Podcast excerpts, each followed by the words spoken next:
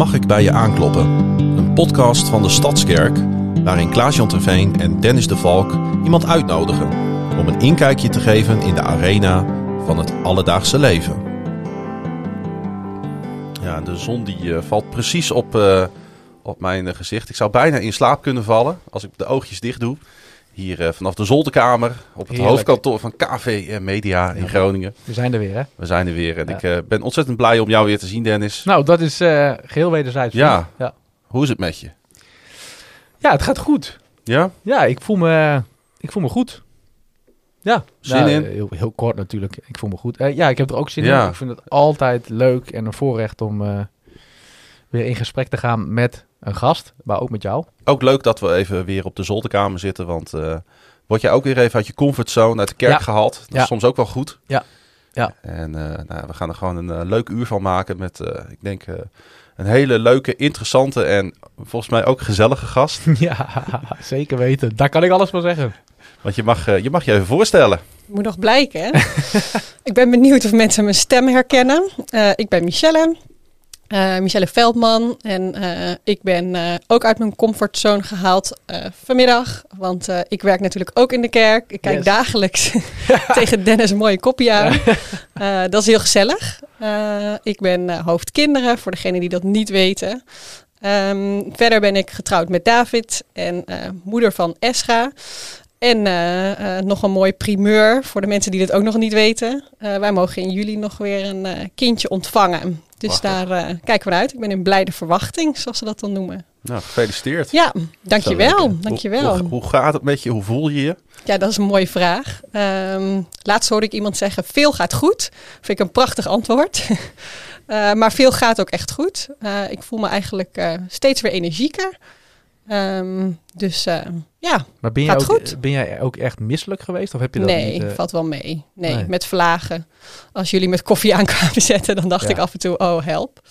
Eh, maar dat was het ook, dus eh, ik mag niet klagen. Nee, Super om te horen. Nou, we gaan zo meteen met Ja. jou in gesprek. En eh, leuk. ik ben heel erg benieuwd wat je allemaal eh, doet in de kerk en waarom je dat doet. Hè? Wat, jou, Mhm. wat, jou, wat, jou, wat jouw drijfveren daarachter zijn. En eh, nou, daar gaan we het eh, zo meteen over hebben. Maar Maar we trappen af. we Met- doen natuurlijk altijd even een rondje. om rond, de tafel. om de rond tafel. Ja. Eh, Dennis, jij mag aftrappen. Heb je nog wat leuks meegemaakt? De Valk? ja, zat. Ik heb zat, veel, zat leuke dingen meegemaakt. Maar waar ik aan moest denken is dat ik heel erg enthousiast word van ehm, eh, onze nieuwe podcaststudio. Daar zijn we mee bezig. Eh, en dat betekent overigens niet dat we nooit meer hier gaan opnemen, want dit bl- blijft ook hartstikke gezellig. Mhm. Maar we gaan een plek creëren boven de infobalie voor degene die eh, vaak in het gebouw te vinden is. En dan gaan we de parels opnemen. Daar willen we ook eh, cursussen gaan opnemen. Maar ook onze podcast. En daar willen we een gezellige plek van maken. Waarbij we ook gewoon... Een echte opnamestudio. ja, gewoon opnamestudio, maar ook gewoon wel een huiselijke sfeer Ja. voor onze gasten. En dat is leuk. Dus dat is ook leuk om even te delen hier. Ook al zie je het niet. Maar wat er helemaal leuk aan is, is dat we ook deze podcast willen gaan opnemen met beeld. Dan kunnen de mensen ons ook zien lachen, Ja. zien huilen. Terwijl ik gesolliciteerd heb eh, op de vacature radiohoofd. Dus dat is best wel jammer. En daar hebben we jou ook op aangenomen. Ja. dus er zal een nieuwe sollicitatieprocedure plaatsvinden. Nee. Nee, nee, want je hebt een, eh, je hebt een contract voor onbeperkte tijd. Ja, ja.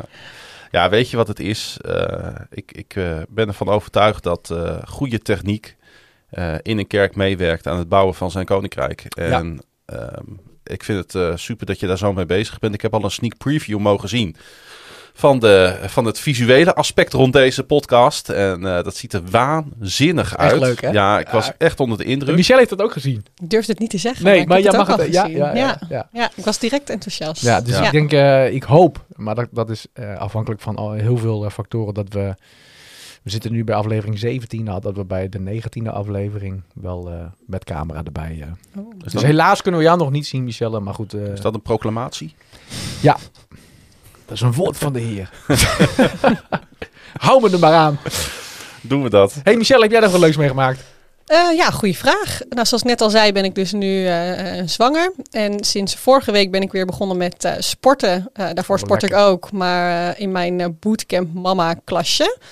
Eh superleuk in het Stadspark. En eh, daar trof ik ook nog een zus uit de gemeente. Dus dat was eh, extra gezellig. Dus eh, dat heb ik gisteravond eh, gedaan. Uh, is nu lekker spierpijn en wat voldaan. Je, wat, wat, vertel eens wat je dan het doet. Het is geen zwangerschapsgym, zoals nee. jij uh, mij altijd waar jij mij indrukt. nee, het is echt gewoon een bootcamp, maar dan aangepast naar, uh, naar ja, dat je zwanger bent. Ja. dus het betekent gewoon dat je bepaalde oefeningen beter niet kan doen en bepaalde weer wel. ja, precies. Ja. Om gewoon fit te zijn voor de bevalling. Ja. En uh, dat is extra leuk als je daar met uh, allemaal toekomstige moeders bent uh, en daar lekker over kan kletsen. Toen kwam ik thuis, toen zat David nog voor de tv, dus toen, die was net klaar met voetbaltraining. Toen hebben we nog even een stukje uit de Chosen gekeken. Okay. Ik weet niet of jullie ja. ja, ken het. bekend zijn, maar prachtig. We vinden het heerlijk om daar naar te kijken. Kun je er iets meer over vertellen? Ja, het is een serie die eigenlijk het leven van Jezus beschrijft. Dus hij uh, trekt op met zijn discipelen. Je ziet hoe hij ze uitkiest. Ja. Uh, en ook hoe hij daarmee uh, mee optrekt, hoe hij daarmee omgaat.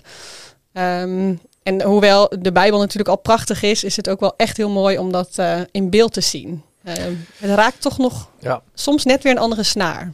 Ben je, doe, zit je in het eerste seizoen of zit je inmiddels in het tweede seizoen? Nee, we zitten nog in het eerste Ja. seizoen. Ja. Ja, ik, vind het, ik, ik heb het een tijd geleden gezien, maar het is erg mooi. Is het ook uh, opgenomen in Israël? Uh, volgens vraag. mij niet. Nee? Maar dat weet ik niet helemaal zeker. Ik vind het concept erachter wel heel mooi. Ze hebben het uh, gefinancierd en vervolgens uh, een soort crowdfunding actie. Dus uh, zeg maar, als jij nu een aflevering ziet, dan kun jij een bepaald bedrag doneren. Hm. Waardoor je het mogelijk maakt dat iemand aan de, anders aan de andere kant van de wereld het ook kan zien. Ah, ja. Dus ze hebben niet eerst allemaal geld opgehaald. Ze hebben het gewoon gemaakt. Mhm. En, en, ja, het, het, is wel echt uh, hoogwaardige kwaliteit. Het is, je Ja. ziet ook nog wel eens van die christelijke films waarvan je denkt van nou goed, Ja. oké, dat is Ja. niet meer van deze tijd. Maar dit is echt, eh, Ik ken het niet, dus uh, Nou, echt Goeie tip. waar, waar, Ja. kun- waar kun je dat uh, ja, bekijken? even- volgens mij gewoon even googlen op Je kan de gewoon de app downloaden. Ja. Oh, Eh, oh ja. En dan eh, vanuit daar kun je hem gewoon streamen. Ja. Goed Ja. zeg. Even casten. Nou. Die gaat op mijn lijstje. Bedankt voor de tip. Gewoon weer een gratis Ja. tip. Ja, Nee, is echt heel mooi. Aanrader. Ik ben benieuwd eh, in de volgende podcast wat Ja. je ervan vindt. Dus dan heb jij huiswerk en dan beloven we Ja. bij deze dat we erop terug gaan komen. oké. Klaas-Jan, Cool. Ja, tel eens. Ja, heb je nog wat leuk? Soms, Leuk eh, soms kom ik in mijn werk dingen tegen waar ik eh, enthousiast van word. En ehm, dat had ik met, eh, met meneer Dam.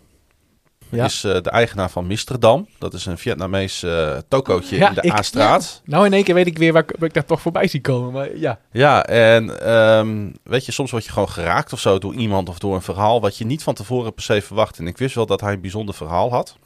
Hij is ehm, eind jaren 70 is hij gevlucht vanuit Vietnam. Omdat daar natuurlijk die vreselijke Vietnamoorlog plaatsvond tussen de Ja. Vietcong aan de ene kant en het door Amerika gesteunde zuiden van eh, Vietnam. En ze waren allebei eh, eh, ja, verschrikkelijk en terroristisch. de Vietcong natuurlijk een ijzer, ijzeren communistisch bewind.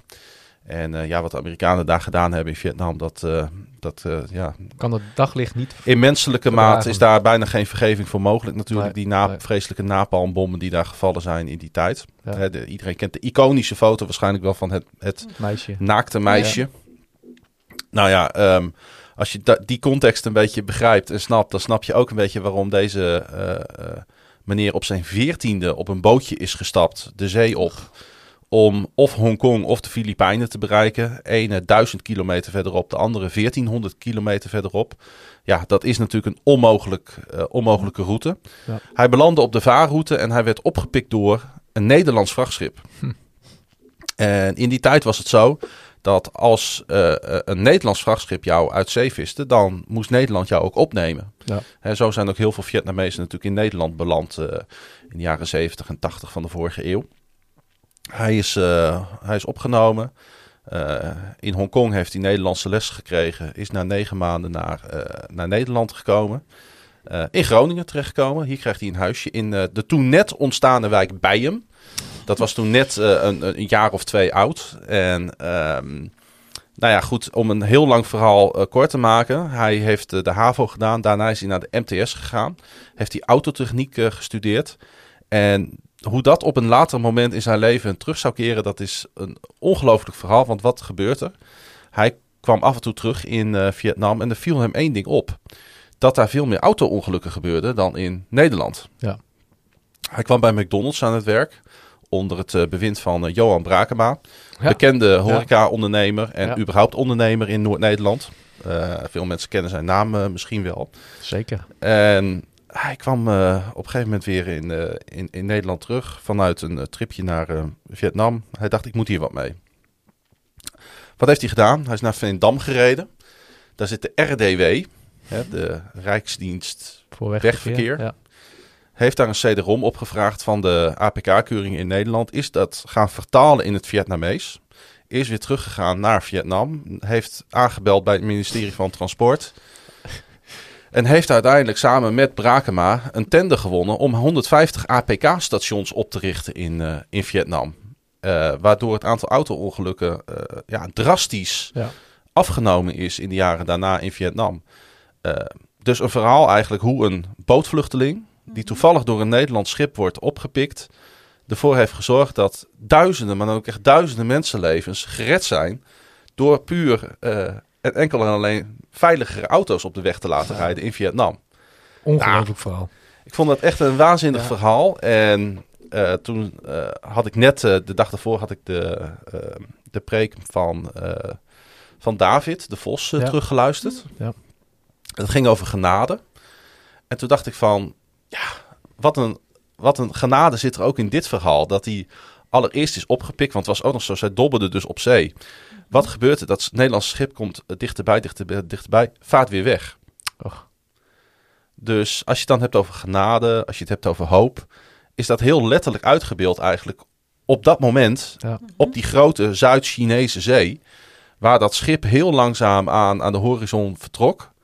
Maar ook, want ze hebben zich bedacht, de bemanning, op een gegeven moment, op een gegeven moment weer terugkwam. Ja. En dat hij aan boord eh, mocht klimmen van dat, eh, van dat schip. En ja, je kunt hier allerlei vergelijkingen op loslaten. Jullie voelen het wel aankomen. Als dit in een preek gebruikt zou worden, Ja, dan ja. kun je alle kanten hiermee op natuurlijk. Het is wel jammer dat er geen beeld is nu. Hè? Je ziet echt hele Ik dacht- enthousiaste. Ik dacht exact hetzelfde, hoe die met zijn armen Ja. dat, dat, dat naderende schip Ja. uitbeeldt. ja, Ik ben een beetje een soort van weerman eh, Ja, ja. aan het spelen. Maar ehm, eh, en, en, en toen nou, met, met, die, met, die, met dat woord van David eh, eh, in mijn achterhoofd kreeg ik een tekst. Ehm, ja, kwam, kwam, tot mij, zoals dat. eh, laat ik het zo maar gewoon zeggen. Ja. En eh, dat is Hebreeën 4, vers 6. Deze aflevering, de tekst van Klaas-Jan. En daar staat: Laten we dus zonder schroom de troon van Gods genade naderen, waar we telkens als we hulp nodig hebben, barmhartigheid en genade vinden. Nou, dat vond ik in, in de context van die preek en het verhaal van meneer Dam, eh, vond ik dat zo passend en eh, zo treffend. En eigenlijk gaat deze tekst natuurlijk over gebed. Hè, want tot Gods troon Ja. naderen is, Ja. eh, is, is, is, is bidden. Ja.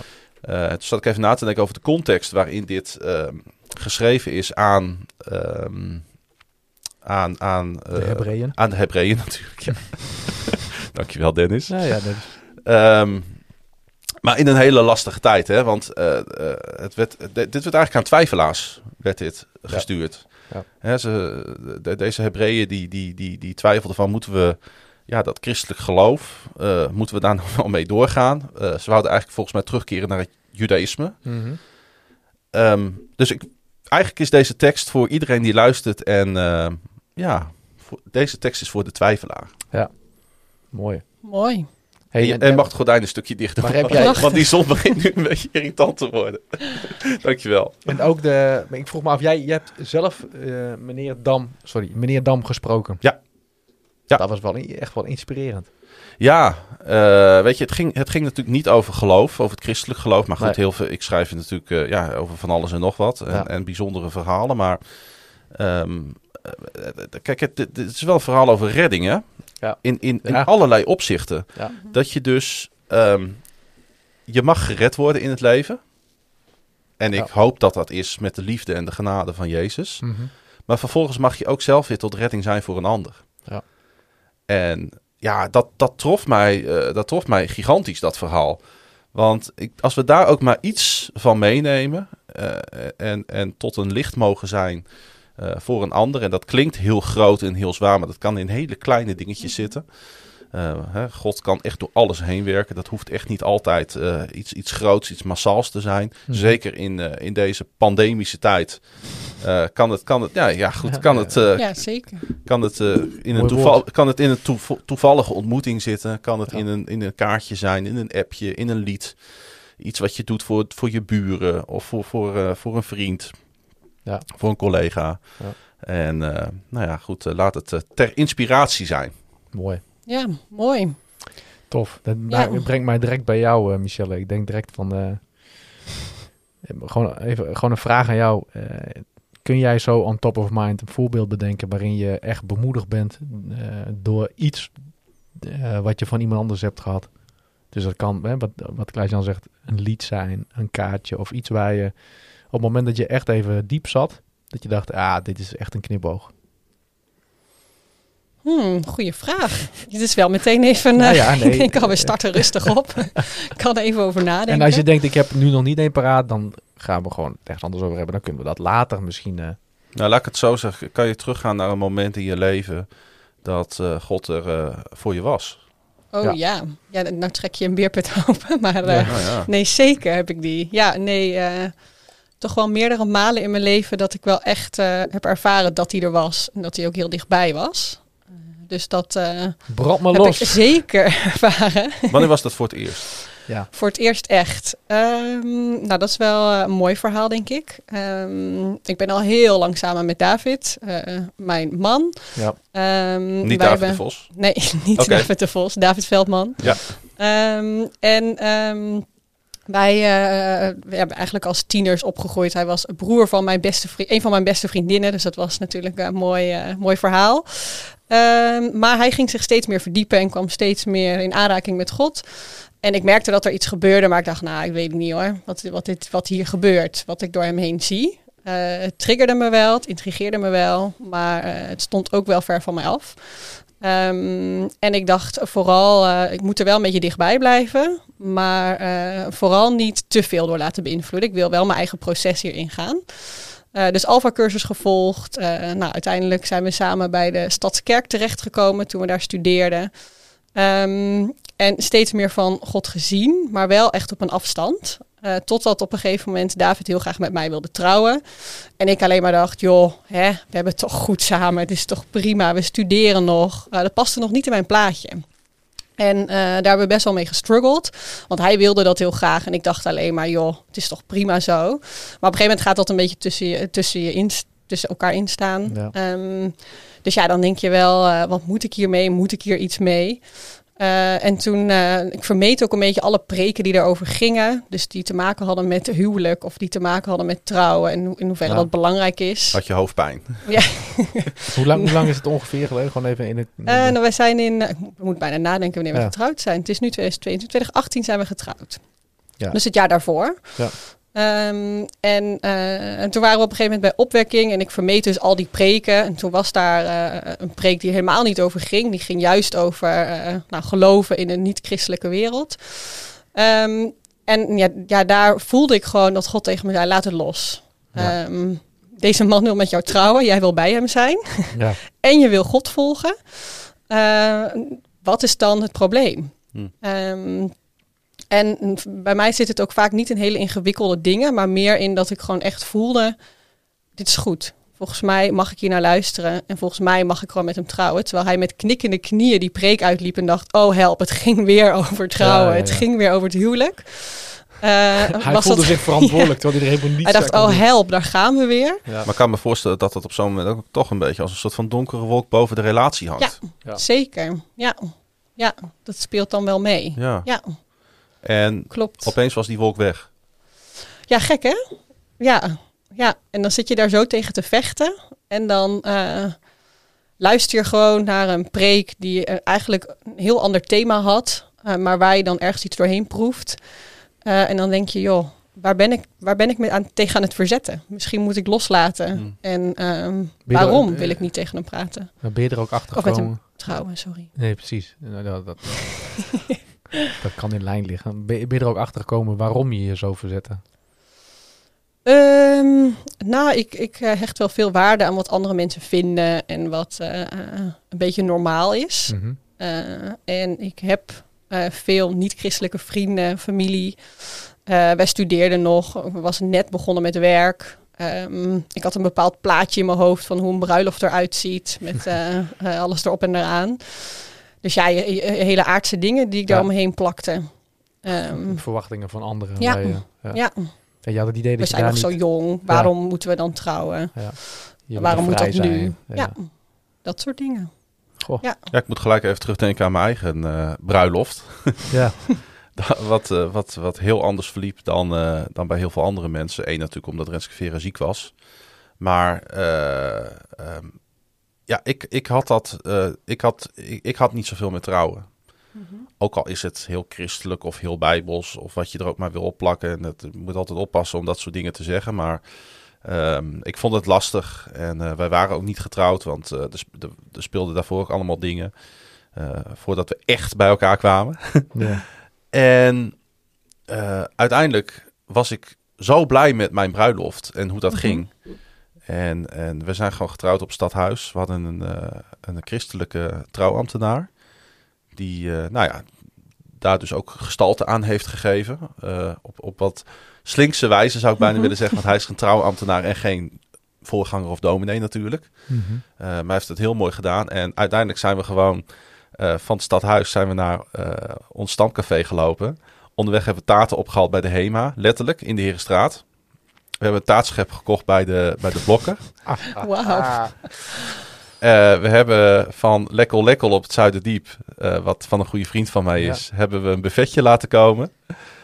En het was zo Mooi. simpel. Het was zo relaxed. Niet tot in de puntjes geregeld. Totaal niet. Nee, dat, is, dat is misschien wel hetgene wat je zo tegen heeft gestaan. of zo. Totaal niet. En die ambtenaar zei, ja, ik heb nog nooit zo'n volle trouwzaal gezien. Want het waren echt met, met, met heel veel te veel mensen. Als de brandweer was komen controleren, dan hadden we een probleem gehad. Bovendien was het eh 34 graden die dag. Dus eh, het, was, het was niet uit te houden.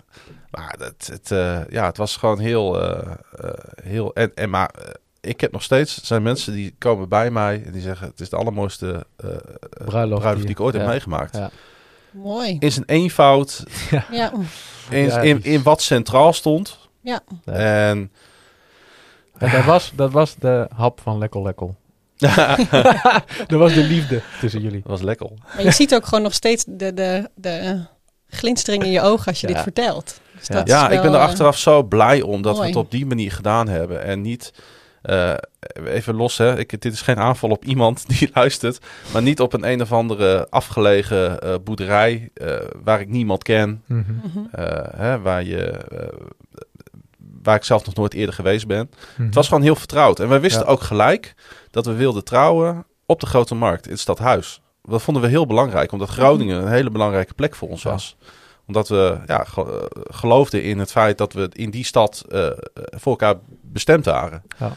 Dus ja, waarom... Mooi. Ik zou bijna willen zeggen, waarom maken we het... En dat heb jij Ja. misschien ook een beetje... Waarom maken we het zo moeilijk?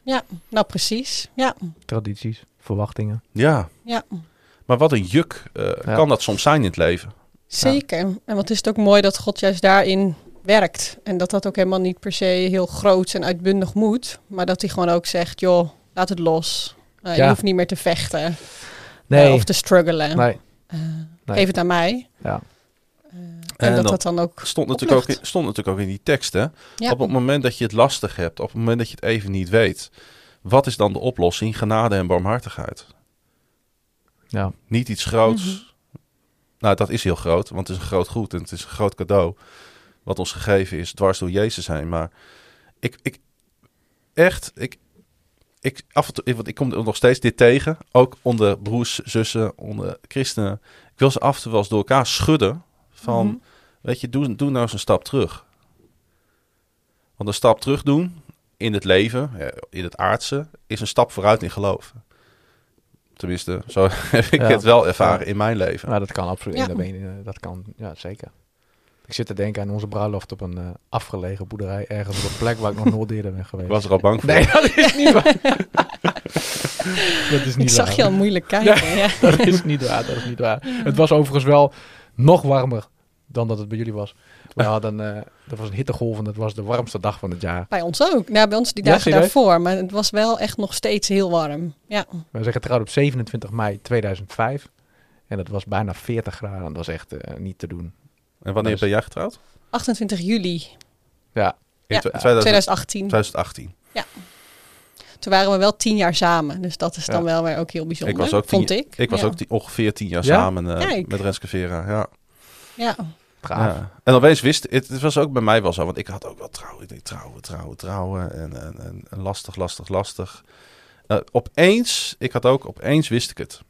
We, zouden, we gingen een paar dagen weg met, eh, met mijn schoonouders naar eh, Venetië en omstreken. Ja, dat Kort, is eh, natuurlijk ook een gigantische romantische plek.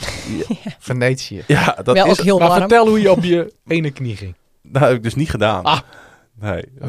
Ik zei van, ik, ik weet nog dat ik tegen Vera zei, ik, ik ga niet op mijn knie, want ik kom nooit meer overeind. maar het was alsof het soort van, soort van, van bliksemschicht, weet je, opeens wist ik het. En ik ben toen ook, het, ik weet nog, het was op een zondagmiddag dat ik opeens wist, ja, we moeten trouwen. En ik denk dat het een uur of half vijf was. En ik dacht, ik moet- Half zes was het geregeld. nou ja, ja, nou nee, dat niet. Maar ik, ik, ik wist van, ik, dit gaat gebeuren. Ja. En ik, moet, ik dacht, ik moet ook nu naar de winkel voor een ring. Dus ik heb mijn tas Heerlijk, gepakt. heerlijk. En ik heb... het, toen- zei, van, wat ga jij nou doen? Ik zei, nou, eh, ik, ik heb nieuwe sokken nodig. en zeg, op zondagmiddag om half vijf ga jij de stad in om sokken Ja. te kopen. Natuurlijk. Dus wat is dat nou voor belachelijks? Had ze niks door? Nee. Oké. Nou, wel het leukst. Ja. Toen heb ik, eh, Ja. met dit smoesje heb ik, eh, heb ik een ring gekocht. Ik eh. vertel niks over mijn aanzoek. Mooi. Oké, nou dat komt nog voor een ander moment.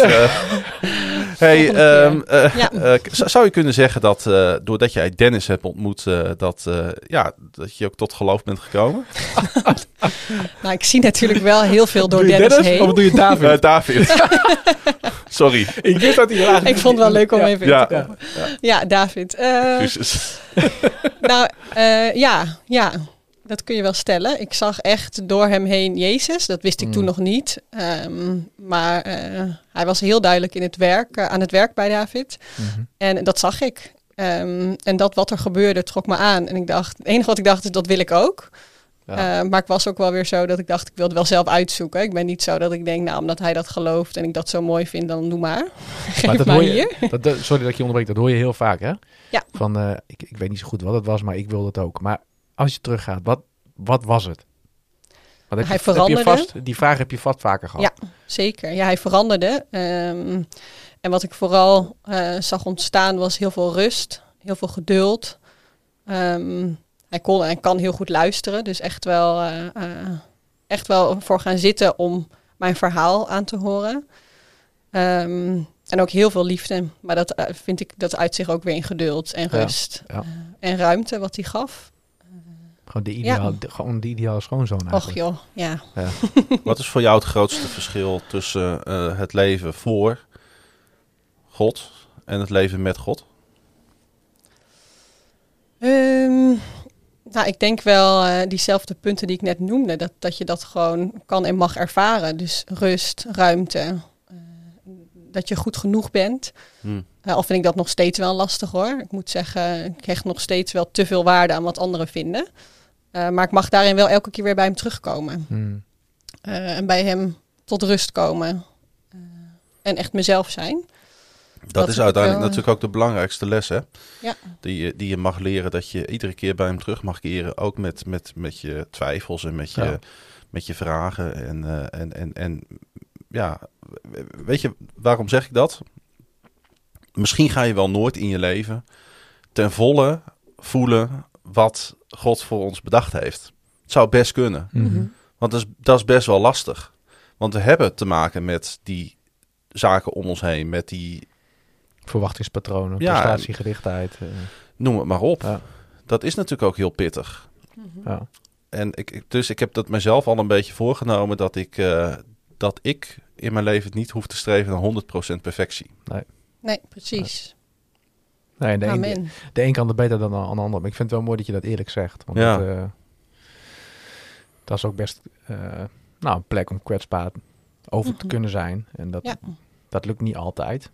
Hey, en als we dan een sprongetje maken van eh, jullie mooie dag naar, ehm, Even kijken hoor. Ik denk anderhalf jaar geleden. Help me even. Ongeveer eh, de geboorte van jullie prachtige zoon. Ja, nou, als je het hebt over eh, eh, het leven met Jezus, dan ben ik wel heel dankbaar dat ik die tijd mocht meemaken met Jezus. Ehm, maar je bedoelt waarschijnlijk ook het feit dat eh, onze zoon Esra te vroeg geboren is. Ja, ja, het Ja. bruggetje is niet heel sterk, maar daar sta ik ook onbekend. Geef niet. Eh, nee, het is duidelijk. eh, eigenlijk wil ik gewoon, want daar hebben wij het over gehad. Ja. Eh, en ik, ik vind dat, ehm, als, ik, als ik kijk naar de details van je getuigenis rondom de geboorte van je zoon, vind ik dat zo mooi. Dat is zo ontroerend. En ik, ik denk gewoon dat het mooi is om dat ook, eh, als je dat wilt, Mhm. om ons daar eens in mee te nemen hoe dat is geweest. Hoe je dat hebt Absoluut. beleefd, hoe jullie dat hebben beleefd. En hoe je God daarin hebt gezien. Hoe je God daarin hebt gesmeekt, hebt, hebt, hebt, hebt aangeroepen. Ja. Kun je, kun je ons in, in die zin in vogelvlucht meenemen? Want het is natuurlijk een heel erg lang proces van eh, Mhm. zwanger raken. En, Ja. Nou, pak Op het, roze wolk zitten. op. Ja, precies. Ja, dat had ik echt. Eh, en het ging ook eigenlijk supergoed. Eh totdat ik eh 31 weken zwanger was. Ik had een controle bij de verloskundige en mijn buik was niet voldoende gegroeid. Eh, nou, niks aan de hand. Hè. Moeten we even een echo eh, maken en dan kijken we verder. Ja. Eh, maar daar zagen ze inderdaad dat hij een groeiachterstand had van wel drie weken. Dus Dat betekende echt wel dat, hij niet, eh, nou, dat, er, dat er iets niet helemaal goed liep. Mhm. Maar toch zeiden ze elke keer, joh, daarmee kun je prima 37, 38 weken redden. Dus eh, komt helemaal goed. Ehm, dat was op een donderdag. Eh, nou, dan ga je een soort controle-modus in, dus vrijdag controle. En zeiden ze, joh, kom volgende week maar terug, dat is prima. Maar ik zat dat weekend niet lekker. Ik zat zondag ook, ik, ik zei, dit is niet goed. Voelt niet goed. Dit is iets wat niet klopt. Mijn bloeddruk steeg ook enorm. Daar merk je normaal gesproken niks van. Maar ik had toch wel door dat het niet goed zat. Dus toen weer eh gynaecoloog opgebeld. Nou, dan gaat ze weer even voor de zekerheid eh, controle doen. Toen zagen ze inderdaad dat eh, de werking van mijn placenta niet optimaal was. Dus dat betekent dat, dat hij niet genoeg voedingsstoffen binnenkreeg.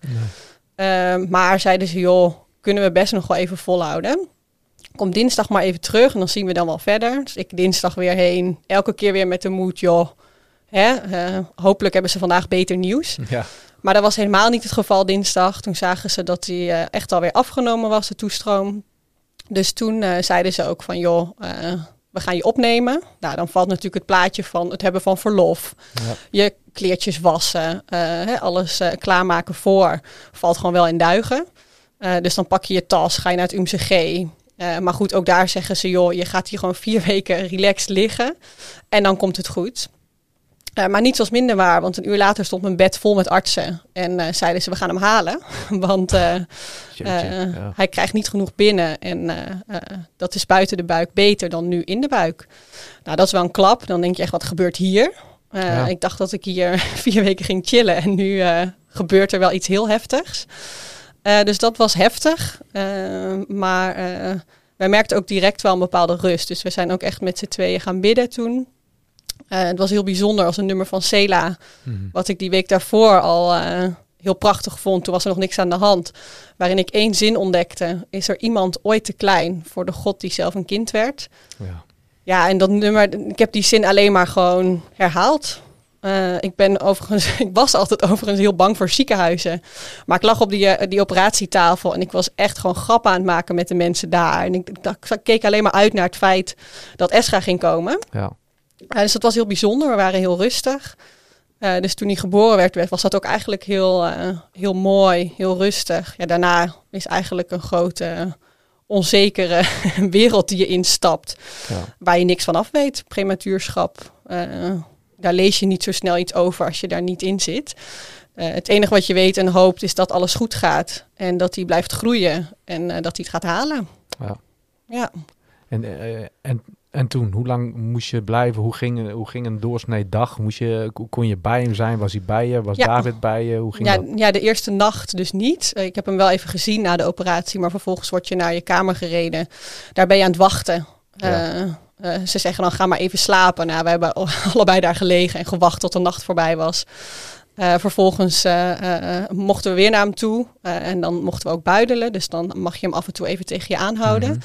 Maar zij tilde hem er dan ook uit. Hij was anderhalf kilo en 40 oh. centimeter, dus echt heel klein. Anderhalf kilo, jeetje. Ja. ja.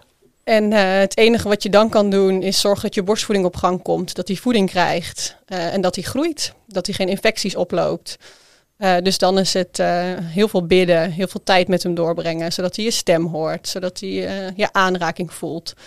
Ehm, dus dat zijn vooral zaken die dan echt op één staan Ehm, en waar je dan voor gaat. Maar was, Ja. je, was je toen dag en nacht in het ziekenhuis? De eerste week lag ik daar ook nog in het ziekenhuis. Ik was zelf nog herstellende van de keizersnee. Mhm, Ja. En vervolgens moest ik naar huis. Eh, nou, dat is denk ik het meest afschuwelijke wat je als eh, net Ja. nieuwe moeder kan meemaken. Dat je dan eh, naar huis toe moet, Je kind achterlaten. Ja. zonder kind in je buik. een leeg kamertje wat je aantreft. Nou, dat is echt hartverscheurend. Ehm, maar ook geen kind, terwijl je wel om de drie uur moet kolven. om, om natuurlijk zijn voeding op orde te houden. Ja. Ehm, even bellen naar de afdeling. Hoe gaat het met hem? Gaat het goed? Wat is de temperatuur? Wat is eh, eh, op dit moment de status? Mhm. Heeft hij geslapen? Heeft hij ook gespuugd? dat soort vragen. Ja. Ehm, maar van heel ander, andere orde, denk ik, dan wanneer je natuurlijk met 40 weken een kindje mag eh, Ja. ontvangen. Ja. Dus continu eigenlijk zorg. Ehm, maar het was ook, als we terugkijken op die periode, was dat niet een bezorgde tijd. Het was heel intens, het was heel Mhm. heftig en intensief. Maar het was ook, we hebben zoveel aan elkaar gehad en we hebben zoveel van God ervaren. Ja, dat, is is echt wel- heel bijzonder door alles heen. Ja, hij was er. En nu, hoe, jong, hoe oud is eh, Ezra nu? Ehm, nou, hij is nu eh 14 maanden. Hij is net een jaar geweest, hè? Ja. En ze zeggen dan gecorrigeerd is hij nu eh, echt een jaar, bijna 12 maanden. Want hij loopt dus twee maanden achter. Maar daar merken wij niks van. Ehm, dus ja, dat is ook iets om alleen maar dankbaar voor te zijn. Ja, ja. Dus hij heeft een goede, goede inhaalslag gemaakt. Absoluut. Maar ja, hebt- dat is heel wonderlijk. Ja, Je hebt in dat eerste levensjaar, ehm, en je bent natuurlijk eh, bij ons begonnen in de, in het, ik weet het al niet eens meer, in de zomer van Juli, 2021. Ja. En ehm, ik herinner me nog wel een paar momenten dat je eh hals over kop weg moest, Mhm. omdat hij eh, een krup of een kroep aanval kreeg. Ja. Het is niet zo dat het, het, het, het, of nou ja, sowieso die, die eerste periode, maar ook de periode erna, zeg maar, met zijn eerste levensjaar, heeft, je hebt eigenlijk nog niet echt de ruimte gehad om er, om er echt, eh, nou, om het achter je te laten of zo. Je gaat wel van moment naar moment. Ja. Of zie ik dat eh, verkeerd? Ja, ik denk dat dat al snel is als je inderdaad een prematuur kindje Ja. ontvangt. Ehm, ook omdat ze gewoon een stuk kwetsbaarder zijn. Eh, ook natuurlijk de, helemaal de eerste periodes thuis. Ehm, ja, ja, ze zijn gewoon vatbaarder. Ja. Eh, en dat had, eh, heeft Esra ook. Dus hij is ook vatbaarder voor verkoudheden. Eh, en daar moet je gewoon nou, zorgvuldig mee omgaan. Ja. Ja. Maar dat betekent ook dat, hij, dat, dat een gewoon verkoudheidsvirus voor hem inderdaad wel meer betekende. We weten niet of het daar vandaan komt of dat Nee. hij gewoon eh, nou, wat peuterastma ontwikkelt. Mhm. Daar moeten we achter komen. Maar zijn longen zijn gewoon gevoeliger dan, dan andere kindjes op deze leeftijd. Ja. dus daar is hij inderdaad nu eh, drie keer eh, voor opgenomen. En dat is ook inderdaad intens. Ja, ja, dat is, dat is nog zachtjes uitgedrukt volgens mij. dat vraagt wel veel van ouders. Hey, voordat eh, onze tijd erop zit, eh, toch nog even de switch maken naar het werk wat je doet in de kerk, Ja. Ja. in, eh, in de Stadskerk. Ja. Want je bent hoofdkinderen. Mhm. ehm, sinds, Juni, ja, dus nog niet zo nog niet zo lang. heel lang. Nee, ruim een half jaar. En het voelt al echt al heel erg lang hoor. In de, in de positieve zin van het Ja. woord. Je bent dat midden in de, eh, ja, we kunnen er niet omheen, in de coronaperiode natuurlijk eh, gaan doen. Klopt. Hoe lastig is dat? Ja, eh, is maar net denk ik hoe lastig je het maakt. Uiteraard. Eh, het kinderwerk moest sowieso ehm, wel weer wat opgestart worden. Er miste al een tijdje een hoofd. Eh, dus ik denk natuurlijk dat het meespeelt dat dat het iets lastiger maakt. Ehm, maar ik zie het ook wel als kans om juist eh, opnieuw te beginnen en om juist nieuwe dingen te proberen. Ja. Eh, Het naar je eigen hand Dus- te zetten. ja, In precies. plaats van het over te nemen. Ja. Nou, als, ik, als ik aan jou vraag hoe belangrijk zijn kinderen, dan eh, trap ik een open deur in en dan geven we daar waarschijnlijk allemaal hetzelfde antwoord op. Maar eh, laat ik dan de vraag eh, stellen, wat, eh, wat, wat voegen kinderen toe aan onze gemeente? Ehm, nou, ik zou me geen gemeente kunnen voorstellen zonder kinderen. Nee, Eh, dus, dus vanuit dat perspectief denk ik eh, dat ze vrij belangrijk zijn. maar wat maakt het kind zijn nou mooi, zeg maar? Wat, wat kunnen wij leren van kinderen? Misschien is dat nog een betere vraag. Ja, allereerst de onbevangenheid en de vreugde. Daar waar wij honderd keer nadenken voordat we iets zeggen, voordat we iets doen, eh, zie je dat bij kinderen niet. Eh, die staan vol overgave met hun handen in de lucht. Ook al hebben ze niet per se door wat, waarom, hoe. Nee. Nee. Eh, maar ze hebben het gevoel dat dat, eh, eh, dat, dat mag en Ja. kan. Dus doen ze het. Ja. En ik denk dat dat wel eh, iets heel moois is. Ja. Ja. Heb je al iets meegemaakt het afgelopen half jaar met, met, met kinderen of met een kind of in je werk dat je denkt van ja, hier doe ik het voor? Nou, misschien iets heel kleins. Dat ik bij de Peuters was eh, een paar weken geleden eh, met Advent. En dat we eh, begonnen met hè, of ze een liedje wilden kiezen. Nou, iedereen wilde Olifantje in het Bos. En ik dacht, ja, kom op, we zijn in de kinderkerk. Hebben we ook een christelijk liedje? Kunnen we iets zingen over de Heer? Eh, en en dat, nou, dat, en toen vroegen we op een gegeven moment eh, eh, wat Advent dan was en wie er dan was geboren. Nou, en toen zag je ze toch wel wat, wat geïntrigeerd kijken. Oké, en wie is dat dan? Jezus. En eh, eh, sommige kindjes wisten nog niet helemaal. En dan ga je met zo eh, in gesprek. Ehm, eigenlijk zoals ik met ieder ander zou doen. En vertel je ze over Advent en dat we Jezus mogen verwachten. En toen gingen ze een kaarsje versieren. En toen kwam vervolgens een van de ouders weer hun kind ophalen. En toen eh, vertelde zij gewoon klakkeloos na wat ik met haar had besproken. Dat Advent dus een teken staat van Jezus die terugkomt. eh, en dat we mogen verwachten, of toen kwam, nu terugkomt. Dat we mogen verwachten. En dat je daar een kaarsje voor aan mag steken. En dat vertelde ze aan haar moeder alsof ze dat al jaren wist. Ja. En eh, haar enthousiasme daarin. En ook dat ze zei, zullen we vanavond ook voor Jezus een kaarsje aansteken?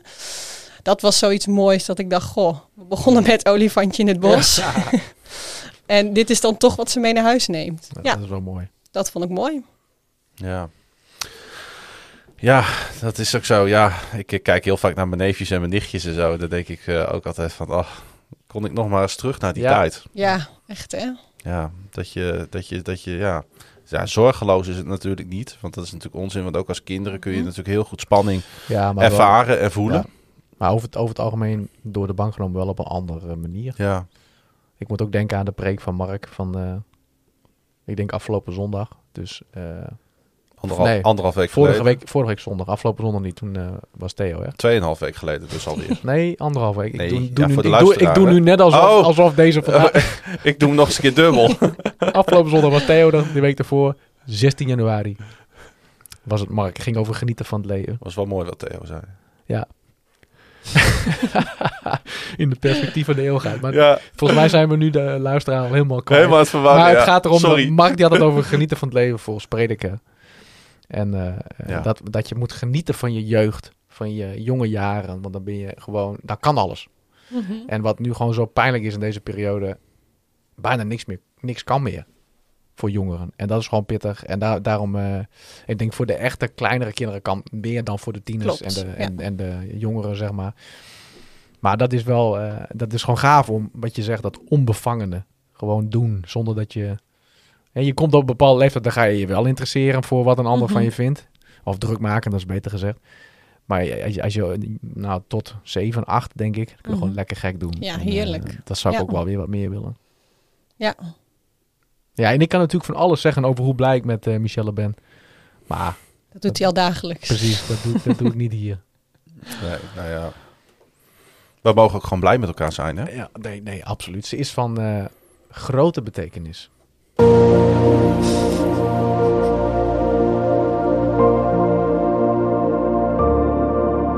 Betekenis.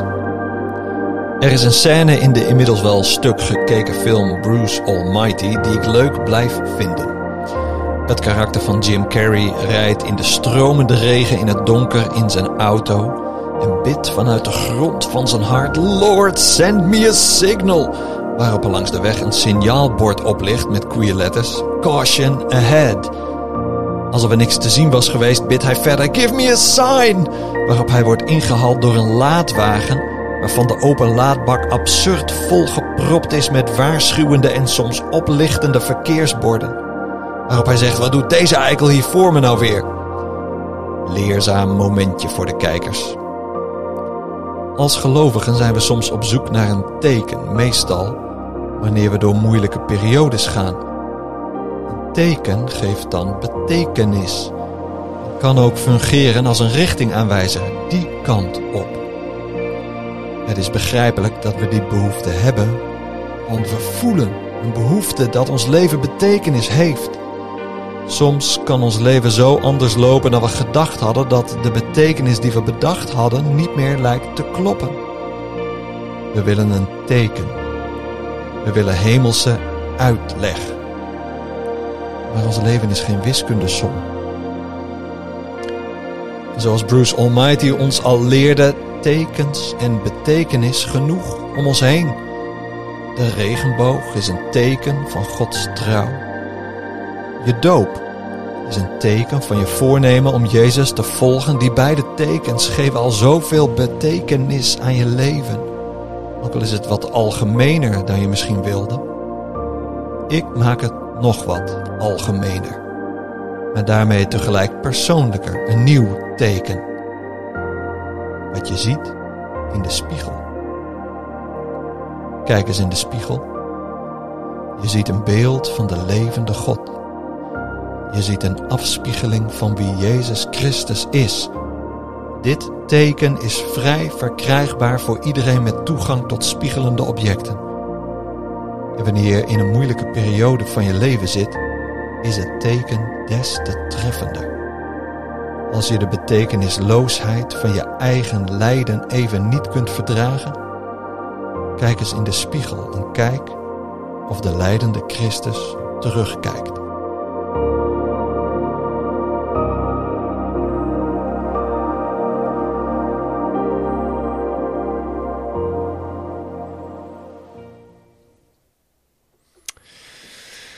Mooi hè? Dat is altijd een beetje een dubbel, eh, een dubbel beeld, hè? Het beeld van de leidende Christus voor veel Ja. christenen. Mensen hebben daar wel eens moeite mee.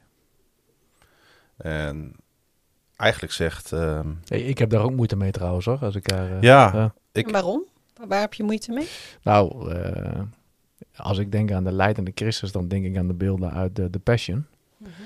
Dat vind ik niet fijn om te zien. Eh dan kan ik het rationeel verklaren. En, en weten dat het uiteindelijk goed afloopt. Maar als je het hebt over eh, de oorlog in eh, Vietnam en de buitenproportionele... Ik bedoel, eh, laatst had ik nog te denken, wa- was ik maar aan het scheren. En toen trok ik per ongeluk met een droog mesje een haar eruit. Toen, moest ik toen dacht ik aan dat ze gewoon bij Jezus met, met de vingers zijn haren eruit trokken. Toen dacht ik, wow, hm, dat heeft echt zoveel zeer gedaan. En dus dat beeld van de leidende Christus, dat is hetzelfde als met avondmaal. Dat vier je, dat vier ik met vreugde in mijn hart. Maar daar zit, daar zit zoveel dubbelzinnigheid en dat bedoel jij volgens mij ook. Er zit, ehm, er zit een diepere laag onder.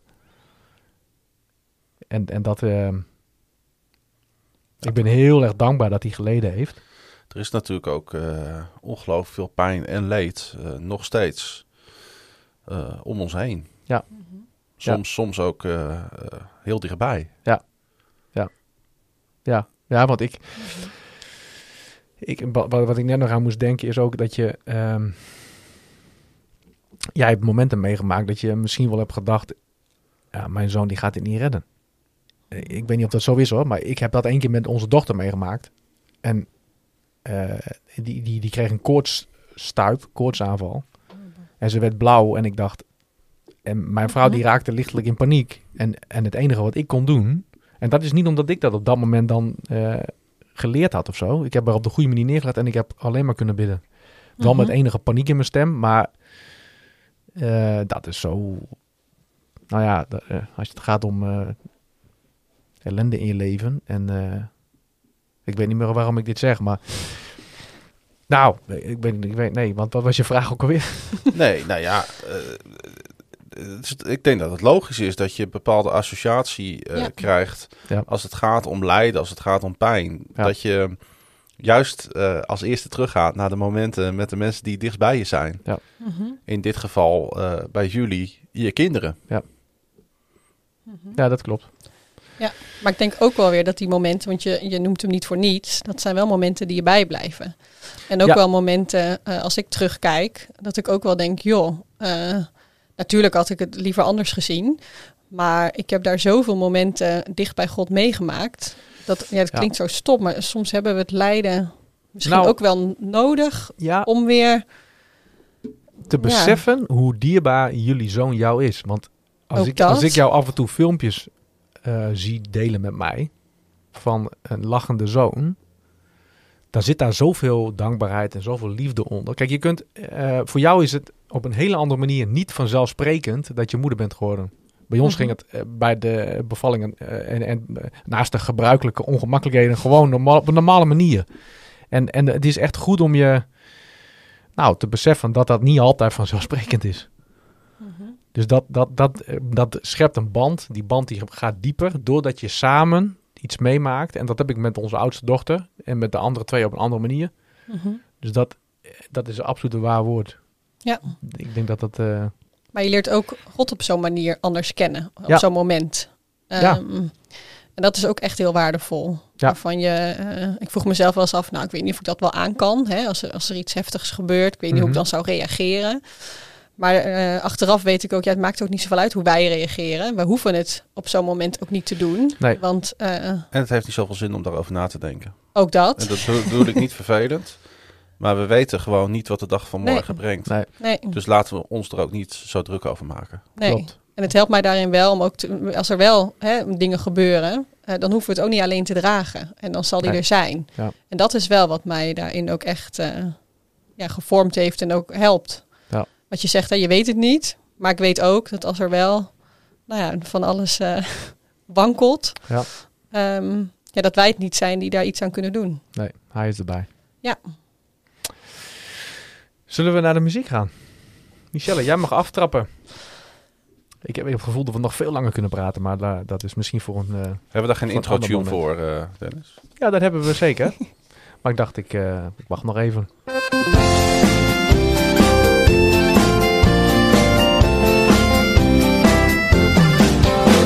Liedje erin, liedje Ja, eruit. helemaal van me apropos anders natuurlijk. Nou, nou ja, nee, absoluut. En wat wel heel mooi is, het is natuurlijk wel een heel bekend kinderliedje. Ja, ik, ik wou bijna zeggen, ik wilde er bijna nog voor kiezen. Maar Is je deur nog op slot, Michelle? Nou, nee. Ja. ja. Vertel. Yes, moet ik eerst zeggen wat ik erin doe? Of wat Ja, ik er... Heel graag. Ja. Ehm, ja, ik heb gekozen voor iemand die ook vorige week al is toegevoegd. Eh, ik ja, nee, sorry, dat kan niet. verklapte net al even. Ik ben helemaal niet zo van de eh, vrouwelijke zangeressen. Eh, maar Eline Bakker heeft daar wel eh, een beetje verandering in gebracht. Prachtig. En Ja. eh, het nummer wat ik op dit moment veel luister is U zal komen.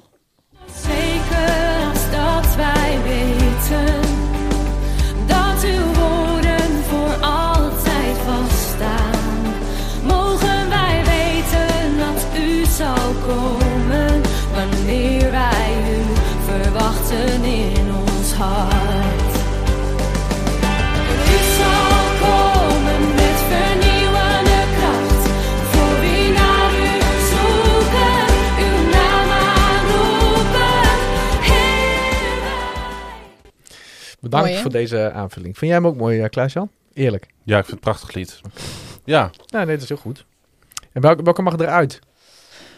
Ja, ik ben niet zo goed in kiezen. En ik moet zeggen, echt met pijn in mijn hart. Vooral eh, richting mijn zeer gewaardeerde kinderwerker Maarten. Oh, ik dacht dat je mij ging zeggen. Oh, Maarten, ik hoop Oh, eh, dat Ja. je blijft dienen. Want we zijn heel blij met je in het kinderwerk. Maar ehm, ik ga toch eh eh Whitney Houston eh, eruit halen. nou ja. Hè? We hebben altijd een schrale troost. Hij blijft in de grote lijst. Ik eh, mag een, eh, een, eh, een nieuwe toevoeging delen. En dat is het lied van Hillsong United. Another in the Fire. Het is niet een heel nieuw lied. want ik ken hem al wel een paar jaar. Het gaat over het verhaal van Daniel met zijn drie vrienden. Die niet willen buigen voor het gouden beeld. En uiteindelijk in de oven geknikkerd worden. En eh, ehm, ja, daar is dan een vierde vriend. En dat is een heenwijzing naar Jezus. En eh, we gaan gewoon luisteren. I'm no longer a slave to my sin anymore.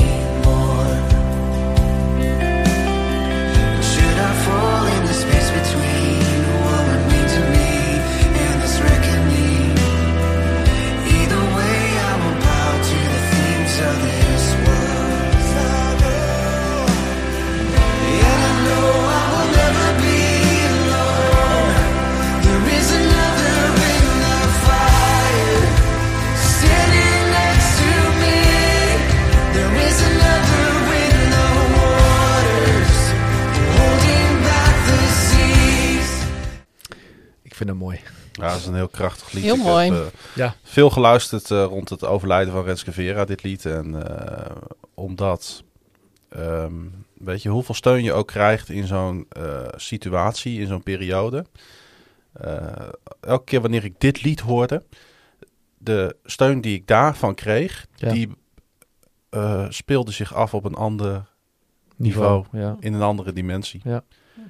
Eh, iemand kan een arm om je heen slaan. Iemand kan je een appje sturen met sterkte. Mhm, mhm.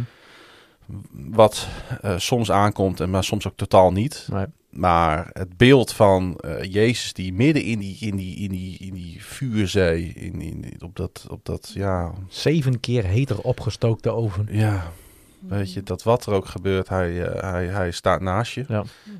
En dan gaat hij weg. Nee. Hoe, hoe, hoe, hoe hoog dat vuur ook staat. Ja. Ja, dat is een heel, heel krachtig lied, eh, Dennis. Mooi. Mooi, vind ik. eh, Mooi. mooie toevoeging van je. Eh, ik eh, ga verwijderen uit de lijst. Your Spirit van Tasha Kops. Dat eh, heeft verder geen uitleg nodig. Jij mag. Nou, slinger maar aan.